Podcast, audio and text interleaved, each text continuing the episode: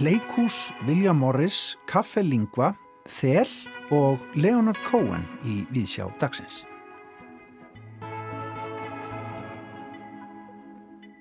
Hvað ef við erum ekki nógfindin, þroskuð, æðisleg og sexy? Leikverkið Hú verður frumsýnd á litlasviði borgarleikúsins á föstu dag. Það er leikópurinn Ratatam sem stendur að síningunni þar sem að rýnd verður í þjóðar eðlið. Við ræðum við leikstjóra síningarinnar, Charlotte Böving, hér rétt á eftir. Guðmundur Ottur Magnússon, profesor við Listaháskóla Íslands, Gottur eins og hann er ágætlega þektur, segir hlustendum frá reyndýri sem að skotið var í Óleifi austur á landi á 19. öld og þeim afleðingum sem sá atbyrður hafði. En það var til þess að áhrif frá hönnun og hugsun William Morris smituðust inn í íslenskar sjónlistir sem þá voru í frumbensku. Þetta kunna að hljóma langar tengingar en svona er nú sagan þegar að íslenskum sjónlistum kemur. Kumdróttur ætlar að segja gestum kjarvalstaða frá þessari sögum á fymtudagin. Já, meirum þetta á eftir. Við segjum líka frá nýri plötu sem að væntanlega er í november. En eh, hún innihöldur lög sem að kanadíski tónlistarmadurinn Leonard Cohen skildi eftir sig. En eh, hann andaðist í november árið 2016. Platan nefnist Thanks for the Dance og eh, að gerð hennar komu margir heimsþektir tónlistarmenn með Són Cohens, Adam, í brotti fylkingar og Snæbjörn Brynjarsson, nýr sviðslista gaggrænandi viðsjár fjallarum danssýninguna Þel eftir Katrínu Gunnarsdóttur sem Íslenski dansflokkurinn frumsýndi í síðustu viku. Einnig verður hugað að fyrirbærinu Kaffe Lingva sem snýst um tungumál og það að byggja brýr milli menningarheima. En hver er ég? Er ég kannski það sem ég held að ég sé eða það sem þú heldur að ég sé? Er ég kannski bara það sem ég held að þú haldir að ég sé? Við byrjum í leikhúsi. Það var svartamirkur á litla sviði borgarleikhúsins þegar við vorum þar á ferð í morgun. Já, ok. Svo finnum við fyrir þessi desperat að vilja hæ, velkomin. Hæ. Hæ. Er það að spara rafmagnið eða? Já. Já, við erum náttúrulega rafmagnið þessi dýrt á Íslandi. Já. Hvernig gengur? Gengur vel. Já. Er það frumsýna á förstu dag? Jöps. Hú? Best í heimi. Já, ok, segðu þrá. Þetta er náttúrulega bara, er það ekki bara Íslandingar? Jú. Íslandingurinn. Hvað er, er það rýni í þjóðaræðilið eða hvað er það að gera? Já, við erum alveg að fara djúft, djúft inn í bara hvað þýðu það að vera Íslandingur. Bara alla leið. Alla leiðin í kvikjan og þunglindið og kvíðan og, og svo aftur út í, svo út aftur, inn og út. Er hérna, er þið komin að einhverju niðurstöðu? Hvað það er, hvað það er að vera Íslandingur? Já, við erum komið á niðurstöðu. Viltu segja frá? Nei, þú verður bara koma að sjá. En þetta, þetta snýst já um hvað þjóðaræðili og tungumál og, og það eru stórar spurningar sá ég á, á vef borgarleikusins settar fram hver er ég, er ég það sem ég held að ég sé? Eða það sem þú heldur að ég sé? Er ég kannski bara það sem ég held að þú haldir að ég sé? Og svo framvegis. Emir, hver er þú eiginlega? Veit það ekki. Nei, ha, hver erum við? Já, það er stór spurning. Bæðið sem mannesku og Íslendingur og að því að sumt er náttúrulega bara svona sameinlegt mannlegt held ég. Og það er eiginlega það sem við förum niður í líka, sameinlega mannlegt Já. sem er uh, það sem er bak við þessi eina prósent sem við postum á já, Facebook og Instagram og svona, það er náttúrulega bara ímynd okkar Já. sem er eiginlega bara 1% af hver við erum. Þessi 99 hinn prósentin sem við bara hú, viljum ekki fara ofan í og sína öðrum að minnstu kosti kannski aðeins að hleypa bestu vínur okkar inn í þetta eða Já, kannski einu með tveimur. ma makan okkar og við, mist, við missum okkur eða svo við erum einlega bara að þetta er allt persónlega sögur frá ekta Íslendingum. Fimm Íslendingar stendur á sviðið og þetta er allt sanna sögur. Sakk frá bara, og, og með fókus á það sem hefur mistakst Já. í lífinu og ekki það sem hefur gengur vel Ég leggja þetta þannig upp að það eru, það eru fimm sögur á, á sviðinu. Það er, það er fimm personur Já, og þeir eru að segja fullt á sögum. Og mann getur líka sagt er það sanna sögur? Já en sögur eru aldrei sanna nei. Svo sögurna sem við erum að segja um sjálfan okkar er aldrei sanna sögur, þú veist, er sanna, þú veist, þetta er sögur og þess vegna er það ekki sannar, þetta er ekki lífið, því að lífið upplifis náttúrulega, uh, lífið er ekki mynd eða þetta, lífið er náttúrulega bara líkamleg upplifun. Já, en þið notið þetta fræga hú sem allir vita vita hvað er. Það er kannski svolítið svona... Er það ekki sigur, sigurmærkið? Jú, svolítið. það er svolítið mikið, það er svolítið íslenskt. Já, og svona, já, svona vikingalegt, svona eitthvað svona frumlegt eitthvað svona. Emi. Og við förum alveg þarna niður í frum, frumbyggjarinn. Já. Alveg niður í niðantal, hvað segir þú? Við förum alveg þangað. Allaveg þangað. Já, þetta er einlega bara mjög líkamlegt. Já. Og já, að því að hann var aldrei held ég að posta neitt á Facebook. Nei, hann var ekki með, komin. Hann var svona kannski að... Hann var á Twitter. Já, hann var samt að grafa sögur inn í vegginni, vegnum hjá Já. sér, ha, inn í steinvegni. Hann var svona að skafa eða mála eitthvað bara til að, og finnast að hann hefur verið þarna. Já. En hann var þarna einu sinnið áður en homo sapiens uh, útreymdi honum. Mm -hmm. Það var hann þarna og hann, segjum við, og hún og þau. Já. Sko, hvað ef við erum ekki nógu fyndin, þroskuð, æðisleg og sexy, spyr ég þið, já, hvað? Klár, hvað er? Þú er rosalega klár, það ekki. Þú er svona klár maður. Hvað ef þetta var, ef þú allt inni var ekki með tungumáli til dæmis, eða varst ekki með vegabref, þú veist, þú ert ekki með, fekk ekki að vera hérna á Íslandi, gæti ekki notað. Þú veist eins og ég, útlendingur, útlendingur, og þurfti að tala, þú veist ekki ég kom til Íslands fyrir fyrsta skipti í, hvernig var það 2000 að flytja hingja 2000, 2000 og þurfti, þá var allt tekið frá mér, nafnið mitt. Já. ég var ekki með, þú veist ég var með nafn í Danmurku, þú veist svona listan manna skilur að byggja mig upp hér. Og ég var ekki með tungumál. Ég var ekki með vinir, ekki með fjölskylda. Ég var ekki með neitt.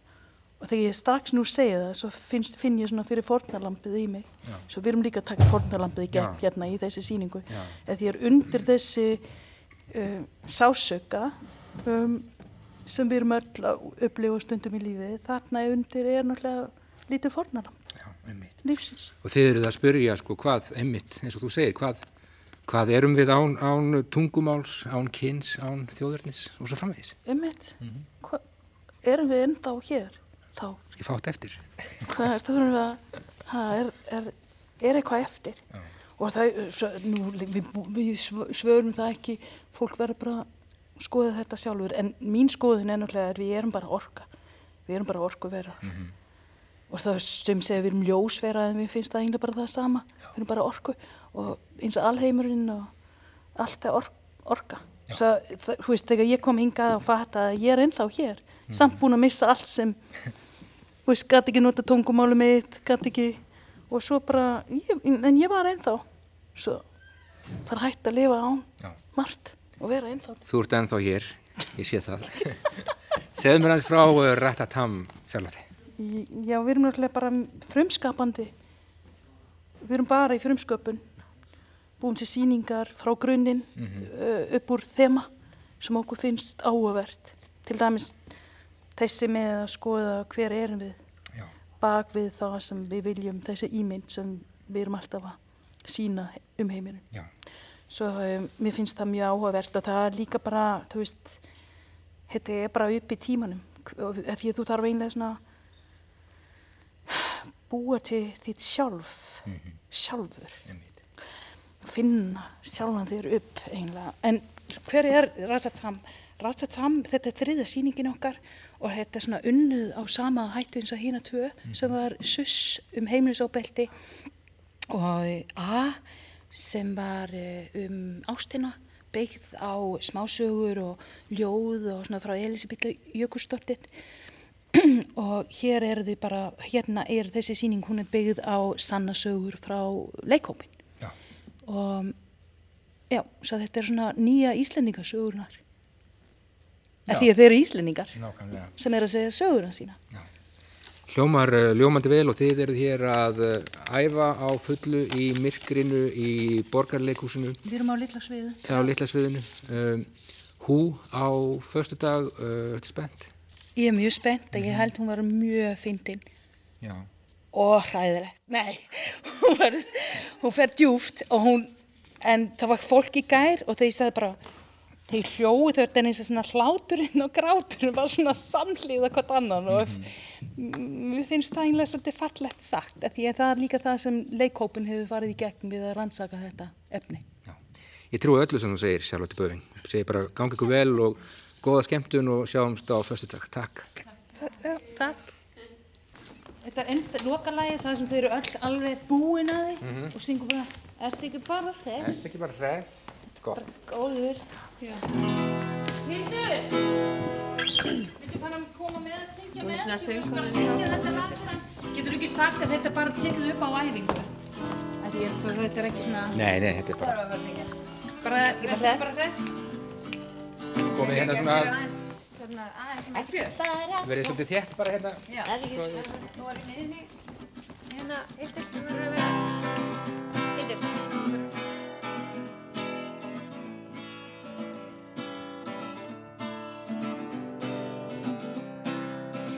ekki bara hress Ert ekki bara góður?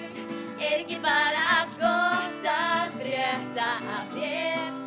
Var ekki gaman í gæð alltaf nóg að gera Ótrúlega hvað veðrið er gott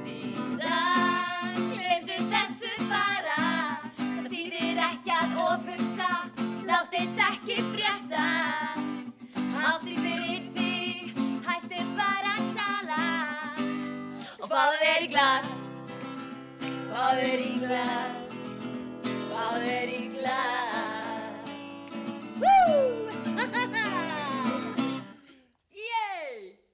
Bingo, takk, takk. Jú, heldur betur. Já, ert ekki bara hress, lokalægið í hú. Nýjar Íslandingasögur, sannarsögur, ringti í þjóðareðli hú á Littlasviðinu í borgarleikúsinu á förstu dag. Leikópurinn Ratatam þar á ferðleikstjórin Charlotte Böving spennt fyrir frumsýningunni. Leikarar Albert Haldursson, Guðmundur Ingi Þorvaldsson, Guðrún Bjarnadóttir, Haldóra Röð Baldurstóttir og Hildur Magnúsdóttir.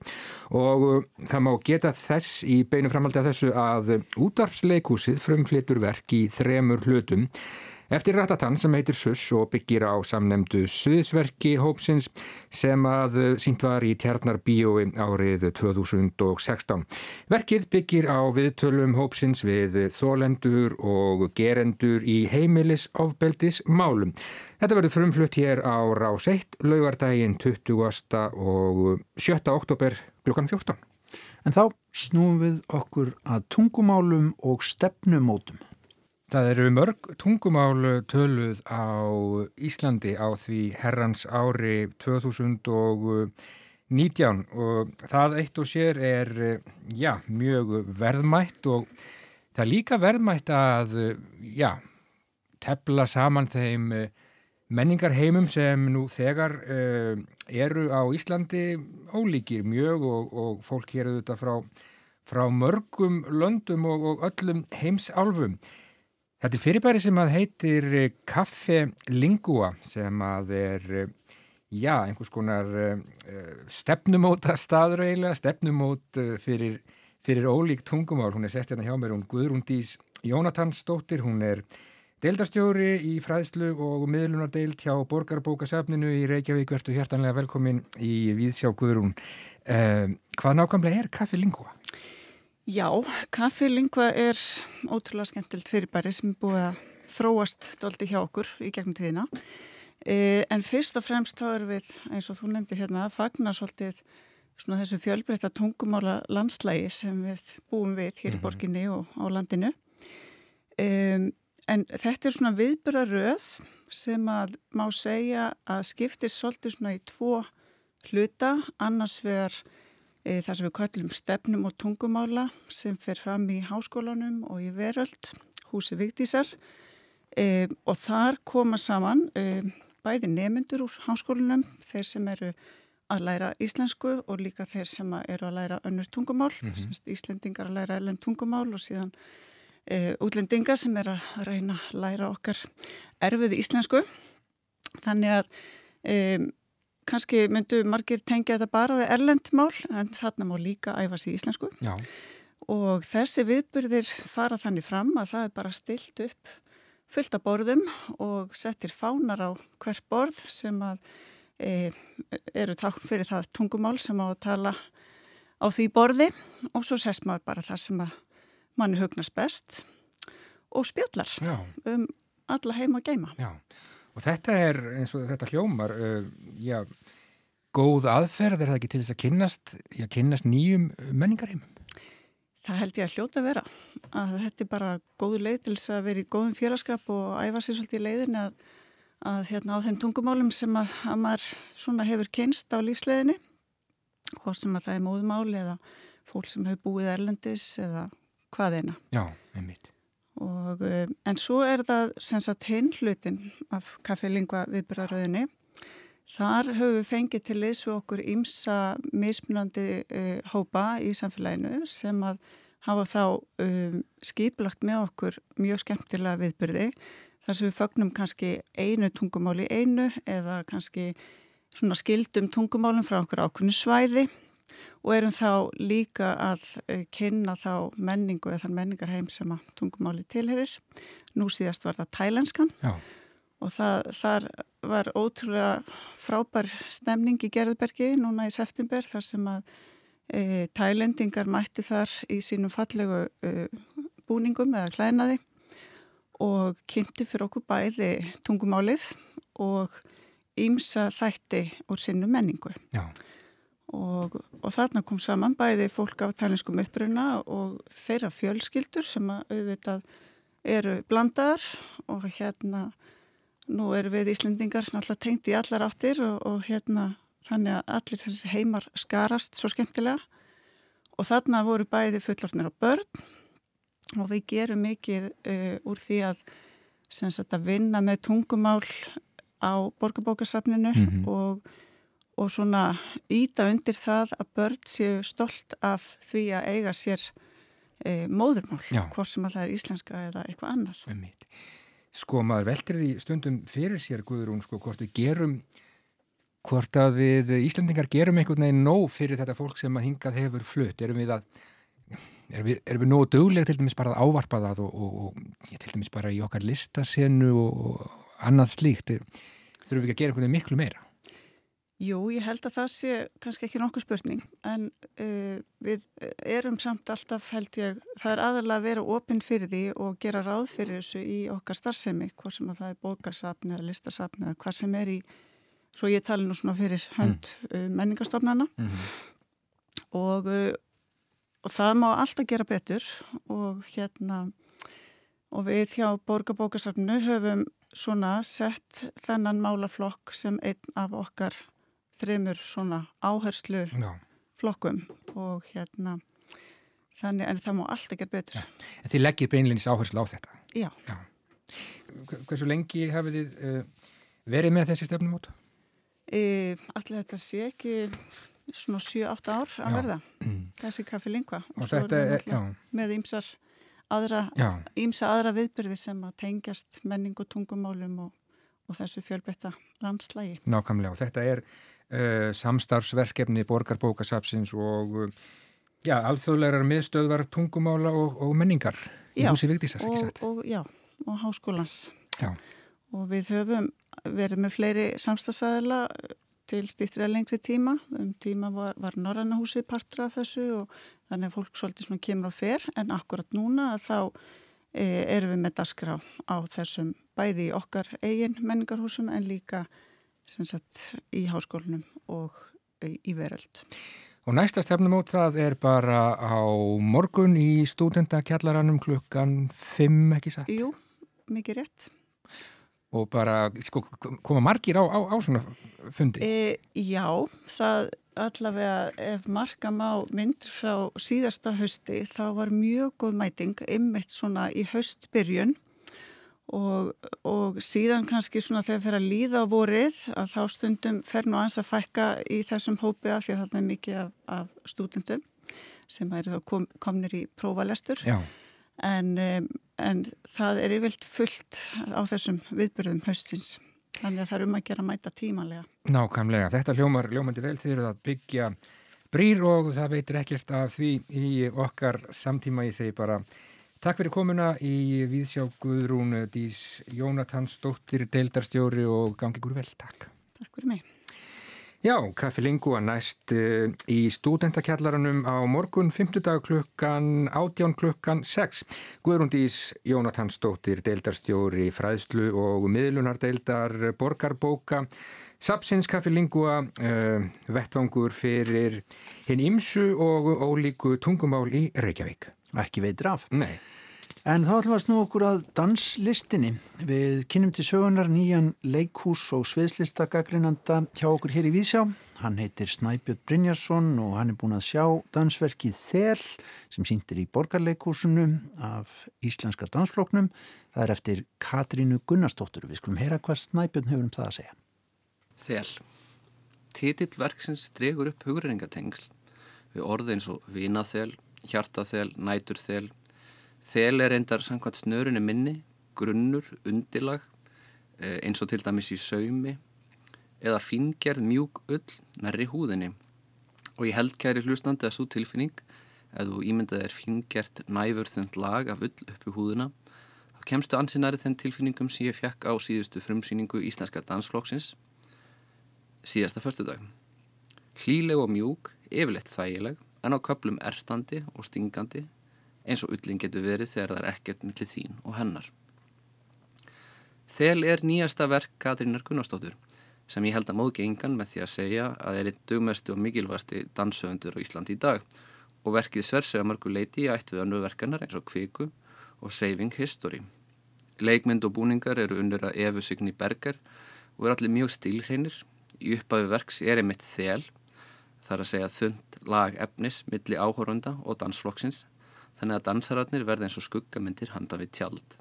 En þegar það að dreyja frá komi í ljós öllítið fleiri litatónar sem þó eru allir mjúkir pastellitir, bæði tjöldin fyrir aftan danshópin og búningarnir sem dansararnir klæðast. Ljósahönunin er í höndum Kjartans Þórissonar sem varpar yfir þennan gula og bleika heim á köplum skæru sólaljósi sem danshópin fellur niður agdofa og tilbyður og á köplum döfri byrtu eða nánast myrkrim Tónlistin sem seiflast frá því að vera engin, yfir að vera draugalega ambjent, yfir í næstum því dansvenn tekno er eftir Baldin Þór Magnússon og svo eru auðvitað á sviðinu sjö dansarar sem ég til upp aðeins síðar. Fyrst ég hef nefnt næri alla þá er best að ljúka því og nefna Alexander Roberts og Áskerði Gunnarsdóttur sem veita Katrínu dramaturgiska ráðgjöf eins og oft áður en með skjáttlast ekki. Ég nefndi á þann hlýja, mjúka, þægilega ull sem getur ertmann og stungið. Ég ætla að byrja á því að nefna það sem ertir og stingur. Veikasti hlekkusýningarinnar er hljóðmyndin. Fátt er auðvitað huglægra en tónlist, getur verið smekksatriði einskakurinn að dam. En þó það sé hugrægt að byrja verkið í þögn og óþægindin sem fylgi því geti gert það sem eftir kemur enn kraft mér að, þá þótti mér í fyrstu það vera óþara áhætta og hugsaði með mér að smá hljóðmynd myndi styrkja frekar brotækta innkomu dansarana það er að segja þar til tónlistin byrjaði því þá skildi ég ákverðinina ágætlega því mér fannst hún ekki bæta miklu við. Markmiði var auglustla og hún var ekki ábyrnandi og ætti frekar þátt í að móta stemninguna og það getur verið að það virki fyrir marga en fyrir minn smekk var hún full tölvuleikjaleg. En eins og ég saði þá er þetta huglagt mat og ekki ástæða til að dæma síningunni heilt út frá. Þel er, eins og ég nefndi áðan, orð með allskins hugreiningatengsl eins og vinagþel og svo verðist sem það séu þessar mannlegu tengingar og þræðirnar á milli einstaklinga og hópsins séu það sem Katrín eru efst í huga, ekki ullathræðirnir. Hópurinn dansa saman vel í heldina og dansarnir verðast hafa orðið til á mjög lífrannar máta. Flæðið milli Ernestó, Elinar, Sjóta, Sigurdar, Höllu, Unu og Ernu er mjög stert. Það kemur fram í senunum þar sem þau dansa í pörum Það kemur líka fram í senum þar sem hópurinn í heild syndir um eins og torfa á sviðinu. Öll atriðin voru vel hefnuð og dansinn dróman inn aðeins sem maður upplýði það að það væri einn fastur fókuspunktur á hverjum stað. Einu gallin sem ég kom auga á voru skörp skilin millir dansana sem bröðt upp flæðið sem ég fannst óþálega skörp í verki sem er jafn hægfara og flæðandi. Það er eitthvað sem eiginlega ekki er hægt að áfælla stanshöfund sem er auðvitað niðursokkin í dansana heldur eitthvað sem verður ljóst þegar heildamindir að komast á verk og utan á að komandi aðilar sem komu inn á æfingar sittniferlinu ættu að geta spottað. Að lokum langum við þó að auðsa lofi á samhældin dansópsins og fallega sviðismyndina. Í byrjun þegar sviðið var á bakuð gagsæja hulu og dansópinu stegi fyrst fram í þögninni, leð mann eins og hér varu afturgöngur að stíka á svið, áhöfn á 19. aldar kaupskipi sem stranda hefði og nú voru þessar afturgöngur sem þekktu hvort hana vel eftir 100 ára reymleika að endur taka saman látlösar og einfaldar aðtapnir. Eftir að tjaldi fjall og skærir bleiku og gulu lítitin í búningunum kom í ljós myndu þau kannski meira á nýjaldarsöfnið sem var að mestu búin að afma á helstu personuengjani og hvers félagar dönsuðu saman í ringi. Hulan sem var fyrir í byrjun myndið að fallegan, má segja Instagram filter, sem hefði vel mátt þekja alla síninguna mínvögnum því hún gerði allar hreyfingar mýgri og skugguna falleri. Hins vegar þegar tjaldið var komið frá, fengur skæru lítinnir að njóta sín betur í bjastri hlýðalýsingunni, aðeins þó að rjúfa dölúðuna. Engin dansarana var meira ábyrjand en annar í þessar síningu og það er einna helstu styrkleikumennar. Að því sagðu því það ekki allir dansarnir síðan með sömu hreyfingarnar, alls ekki. Allt í verkinum byggir á viðkomi samspili þar sem hver dansari hefur sín einn hreyfi sögum. Í heldina litið er hér því um að ræða verk sem hrýfur og soga mann inn. Þel, líkt orðið er loðið og markbreytilegt, opið fyrir allskynst tólkunum og afar órætt, en þetta er dálegandi kvöldstund, notalegt nætuð þel sem dregur fram marga af styrklikum dansflokksins sem heldar og markar ágætt upp af fyrir hann í byrjun leikás. Sagði Snæbjörn Brynjarsson um dansverkið Þel eftir Katrínu Gunnarsdóttur sem að íslenski dansflokkurinn frumsýndi í síðustu viku. Snæbjörn uh, harla gladur með þetta verk dáleiðandi kvöldstund, sagði hann. En við ætlum að fá íslenska tónlist, glænýja, því að heimilisiðnaðurinn á tónlistasviðinu, hann heldur jú alltaf áfram og menn gefa út í gríðverk þó að sumi segja að platan sé að deyja þá er það nú alltaf svo að það kemur alltaf eitthvað nýmeti. Átni Heiðar Karlsson, píjánuleikari, gaf út plötu um daginn sem að heitir Flæði 2. Þetta er framhald af verkefni sem hann hefur verið með í gangi undanfarin ár. Þarna leika með árna Jóakim Berghall á baritónsaxofón, Valdimar Kolbeitt Sigurjónsson á kontrabassa og Scott McLemore á trommur. Þetta er lag af plötunni Flæði 2 sem heitir Mistur og er nokkuð dölafullt. Við skulum láta okkur fljóta um í þessu mistri um stundarsækir.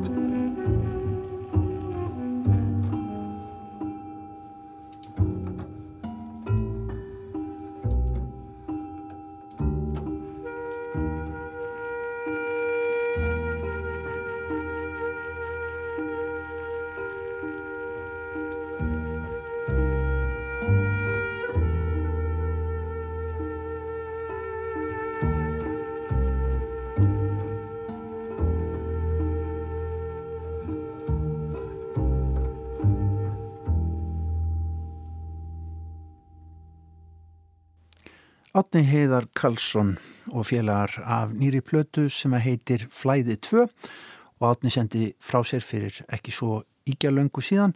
Lægið heitir Mistur en við ætlum að huga að meiri tónlist, ekki satt, Erikur? Jú, við ætlum að huga að annari nýri plötu, hún er reyndar ekki alveg komin út en hún er væntanleg.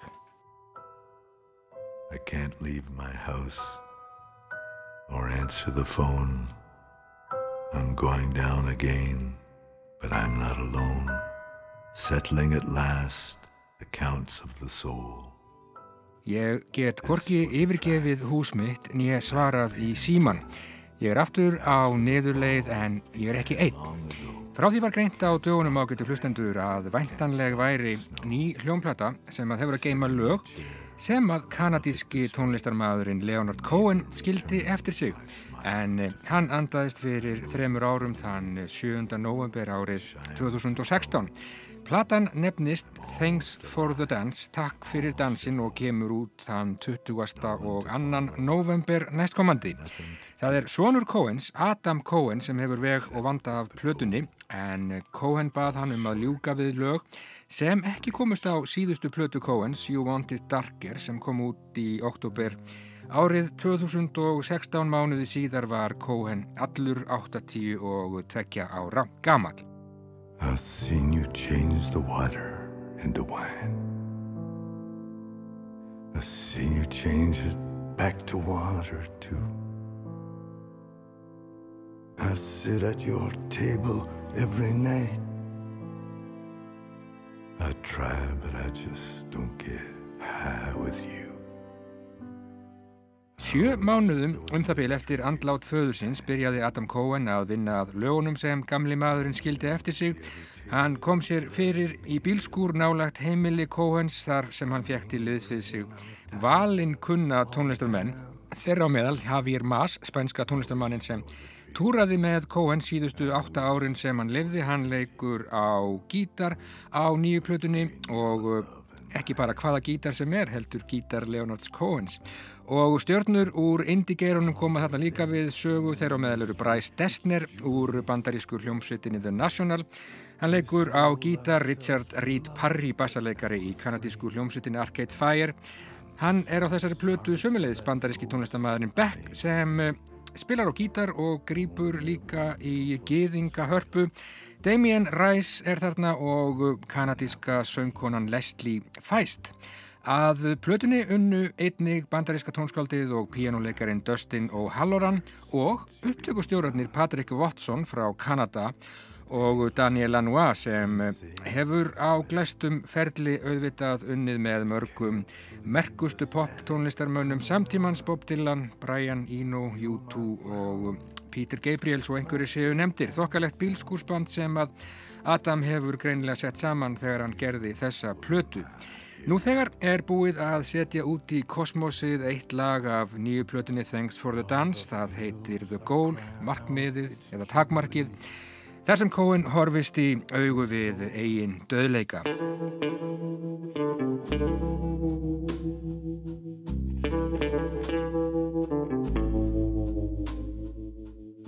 Áðurnefndur Adam Cohen sem einnig vann að Plötu Cohens frá árinu 2016, You Want It Darker, segir að við gerð Plötunar hafi tónlistarmennir haft það að leiðarljósi að vera trúir gamla mistarunum og hann segir að þeir sem nú þegar hafi heyrt Plötuna segi allir það sama. Það er engur líkara en að Leonard Cohen sé enn á lífi. Adam Cohen gaf í september á síðasta ári út bókina The Flame, síðustu ljóða og texta Cohens. Og hann segir að síðustu mánuðuna sem fadur hans liði hafi hann reynd ekki lagt árar í bát, hann var enn leitandi, lætur Adam Cohen hafa eftir sér, hann var enn maður með erendi, enn maður með hlutverk 8-10 og 2 ára gamal. Og nú Tæpum þremur árum eftir andlátið þakkar Leonard Cohen fyrir dansin. Ég get hvorki yfirgefið hús mitt en ég svaraði síman. Ég er aftur á neðurleið en ég er ekki einn. Thanks for the dance, takk fyrir dansin kemur út þann 20. og annan november næstkomandi eins og áður segir. Síðbúin gjöf frá Leonard Cohen til okkar hinna og að öllum líkindum svo síðasta. I can't leave my house or answer the phone. I'm going down again, but I'm not alone. Settling at last accounts of the soul. This for the trash, that paid in full. As for the fall, it began long ago. Can't stop the rain, can't stop the snow. I sit in my chair, I look at the street. The neighbor returns my smile of defeat. I move with the leaves, I shine with the chrome. I'm almost alive, I'm almost at home. No one to follow, and nothing to teach, except that the goal falls short of the reach.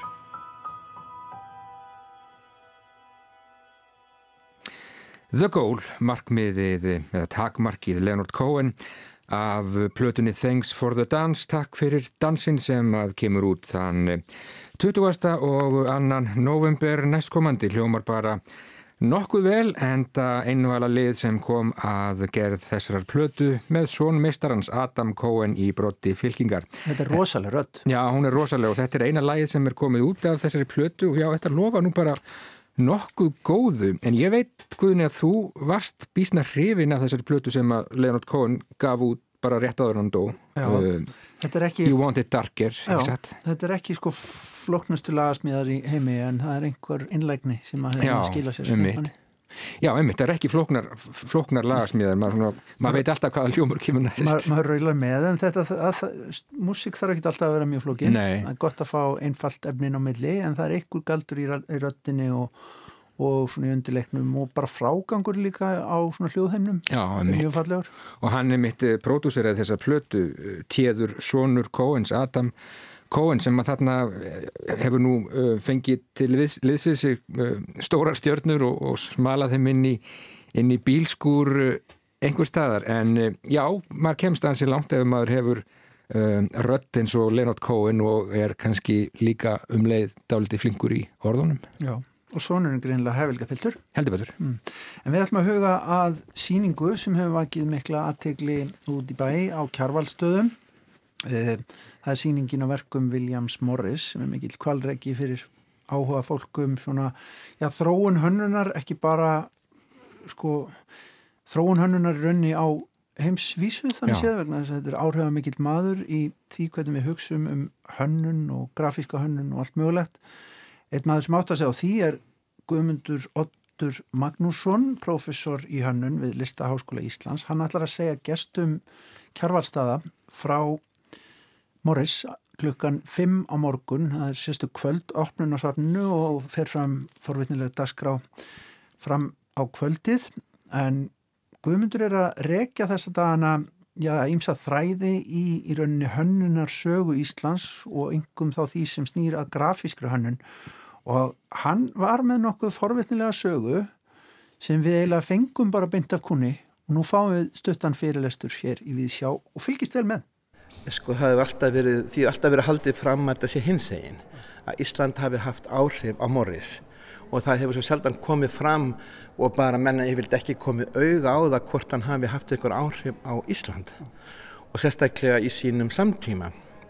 Nú, William Morris er svakalega áhrifa mikill karakter í öllu sem varðar sko hönnunarsögu því að breska handvers og listreifingin hún er eiginlega vagga þessi við köllum hönnun í dag vegna þess að hún var bæði sko þetta viðbröð og, og, og sagt viðspyrna við yðnbyltinguna og að, að vélinn gæti aldrei gert sko góða hluti nema beina línur á sínu tíma fram að stafrætni byltingarlega hana og að um, að sko hafa svo, svo auglus áhrif bæði á prentlist og, og, og, og ég er bara alla sem við kallum hagnýtalist sem, sem skiptur miklu máli. Enginn hefur komið auga á það að hann hafa haft nokkur áhrif á Íslandi, bæði er þetta svo snemma á, hann svo snemma á ferðinni og valla Íslands borgarsamfélag valla orðið til sko. Og síðan skal ég segja sko þá hérna Svo fer ég, fæ ég styrk, rann ég styrk til að skrifa sögu minnar starfsgreinar sem er grafísk hönnun og hún skal ég segja þér nær þannig að orðið grafísk hönnun er alltaf tilferðin sko uh, 1986 eða 7. Þar á undan voru þetta auðlýsingateknarar, þar á undan teknarar, þar á undan hagnýtt grafík því að það líka sem yðbildingi gerir það er að skilja að huga og huga og hönd. Það er, ein, að, sko, það er eins og með Morris að hann hannar fyrir vél vill gera það með ákveðinni estetík og ákveðinni fagufræði sem margir förða sjá því hann var svo vinstri sinnaður hvernig óskopunum er hann að gera svo kallað merkingalöst skraut þessi sko hugsunamadur sem stopnar breska verkamannarflokksins og er hardcore sosialisti nú aftur það að segja sko að það sem menn kom ekki auga á þetta er svo tvent sem ég kom ekki auga á því ég vissi um mann hafði rekist á mann sem heiti Stefán Eiríksson. Hann var teknari og tekna hlutabrif Emskipafélags Íslands svo snemma og þetta er svo glæsilega teknað. Í okkar stjætturum menn annarkvort teknarar eða radarar og við fórum að aðtuga sko hvað gerðist fyrir Tryggva Magnússon því að mann, mann fæst sko Tryggva hafi verið svo mikill brautriðandi í þessari grein þó hann hafi ekki verið sko sérmentaður í þessu, það er Ágústa hérna Ágústa Péturstóttir Snæland sem er fyrsti sérmentaði hænýti grafíkerinn. En það voru margi byrjar á undan henni en þeir voru bara ekki kallaðir sko hérna þessu fagheiti á nokkur nátt eða, eða töldu sig ekki eins og vera það sko. Nema hvað, Stefán þessi hann gerði líka fyrir kveldúl alveg stór glæsilega klutabrif hann gerði svo grettisbeltið og kvalbein stólin á þjóðminnarsafninu og me meira vissi ekki um hann skiluru, svo hérna gerist það eitt að ég fer, ég egnaðist hund og fyrir að ganga á gesnefi með hund og kynnist sakfræðingi, eh, sakfræðingi sem uh, fær áhuga því sem ég er að gera og ég leif henn að sjá mín drög að þessari, þessari sko sögu minna starfskreinar. Það er ekkert með það ég er svolítið snúið niður á, á, á, á hérna, eironum fyrir að vera kynblindur og ég sjá ekki konur. Já og hérna og það þarf að kyni leiðrétta mig. Og hún fyrir að hlaða á mig sko allskins rannsókna verkefnum á Háskóla Íslands á sögu kvenna sent á 19. og byrjun þeirra 20. Gott hjá henni. Og gott hjá henni. Og ég svolítið tekinn í gegn en það ég sko þakka heila fyrir það að hafa náð þessu vegna þegar ég hefði verið drepin hefði ég látið frá mér hlutin og þetta, þetta, þetta er sko skoðar nema hvað, allt í hennu opnaðist heima sem ég hafði ekki tekið eftir. Einn af því sem skipti miklu máli í þessari sögu er maður sem heitir Eiríkur Magnús Magnússon sem var leiðsögumadur eh, hans Viljas Morris í fyrir ferðin allavega og, og tengd hann inn í setni ferðina. Og Vilja Morris hafði mikil afskipti af, af, af þessari fjölskyldu Eiríks Magnússonar því að þeir eru sko nánast heimagangar hjá hvort öðru í sjö ár í Cambridge þar sem uh, Kalmskott er ekkert langt frá og, og líka hann fer ekkert bara þanga heldur fer hann líka í önnur húsakynni Morrisar. Og ekki nú með það sko að það sem menn hefði ekkert séð var að meðan þeir kallarnir voru að þýða hetjusögur, skilminga og sverð og, og svona stórumenni íslenska, íslendingasagna mm. en þá voru konurnar eh, bæði sem sagt kona Eiríks og sýstir hennar innundir hjá kallinum að skoða handverkið, skoða textilverkstæðinans og ekki nóg með það uppnumdar af þessari fagufræði, munstus og, og svona skreit, skreitilistar nema hvað að svo gerist eitt sem enginn hafi komið auga á. Að það gerist atbyrður upp á e, heiðunum fyrir ofan Vopnafjörð og Fljóttstall svo kvöldur heiðabíli sem eru valla stendur nema eitt eftir sem er sænautasel mm og sem er svona haldið við eða endurbyggt þarna voru sko háttið 30 bíli á, á sent, sent á 19. öldinni þar verður einum bundanum á að skjóta reyndir eftir jól sem mátt ekki sangkvæmt lögum veiðivörðurinn var prófasturinn á valdhjóstað mm. þetta bestunum til yrna og er ekki ánað með þennan þetta brot á, á, á reglugjörðum og lögum reyndirhafiðar mm. á þessum tíma Sónur bóndans verður skítrættur og heldur að nú verði pappi sem settur í tukthúsið fyrir glæpin og hann hérna tekur upp á því að, að skera út kistil, skera út treyndishorn og skreita kistilinn, fer með hann um vorinir á valþjóstað og færi prófast frunni kistilinn.